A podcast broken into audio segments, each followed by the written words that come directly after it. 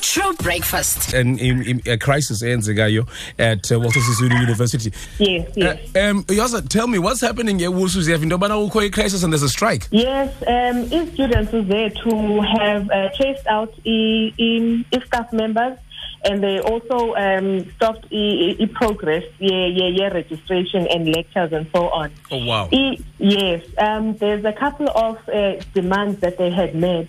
Yeah. that they had made esiyesakhe ngafamba we they, we addressed them xa sihlele nabo because saphuma from a meeting agreeing on certain things Yeah. uh, but i ngokuva kwam kukhona new grievances that they say now um bazodiscussa with management after they had a mass meeting and they are planning their mass meeting for today so silindele ukuva kubo ke ngoku after they've had that mass meeting into yobana what are the new issues that are on the table ngoku Yeah. Um, so iqale nini ke ngoku le nto lena yesi strike nokhutshwa kwe- kwe- kwe- kwe-administrative Um, iqale yenzeke on Tuesday, Okay. and e, operations were not able to resume back to normal yesterday.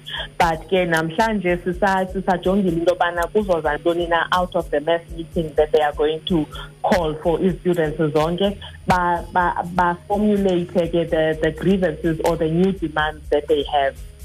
so le nto yesi strike ngoku does it mean into yobana zonke i-walter sisulu university campuses um, are affected by it okanye is it only one specific No, it's only the, the, the Buffalo City campus that is affected. There are no issues on any of our other campuses. The Queenstown, Mthatha, and uh, Butterworth are operating as normal.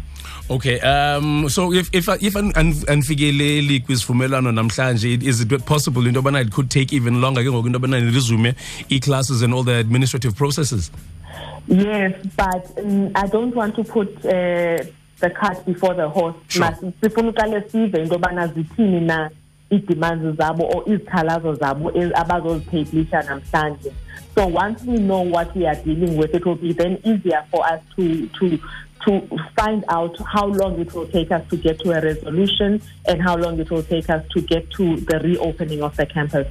all right cool yosa um we'd like to give you a call kwakhona ke sive kuwe eh, um, as soon as any progress is made um if possible Absolutely, absolutely. I'm available uh, for communicating with you anytime. super thank you so much Thank you. Thanks, Brian. Thank you. Have a good day. Bye. Great, thanks. You too, man. Um, that is Yonela talking about the situation at uh, Walter Sisulu University campus. True breakfast.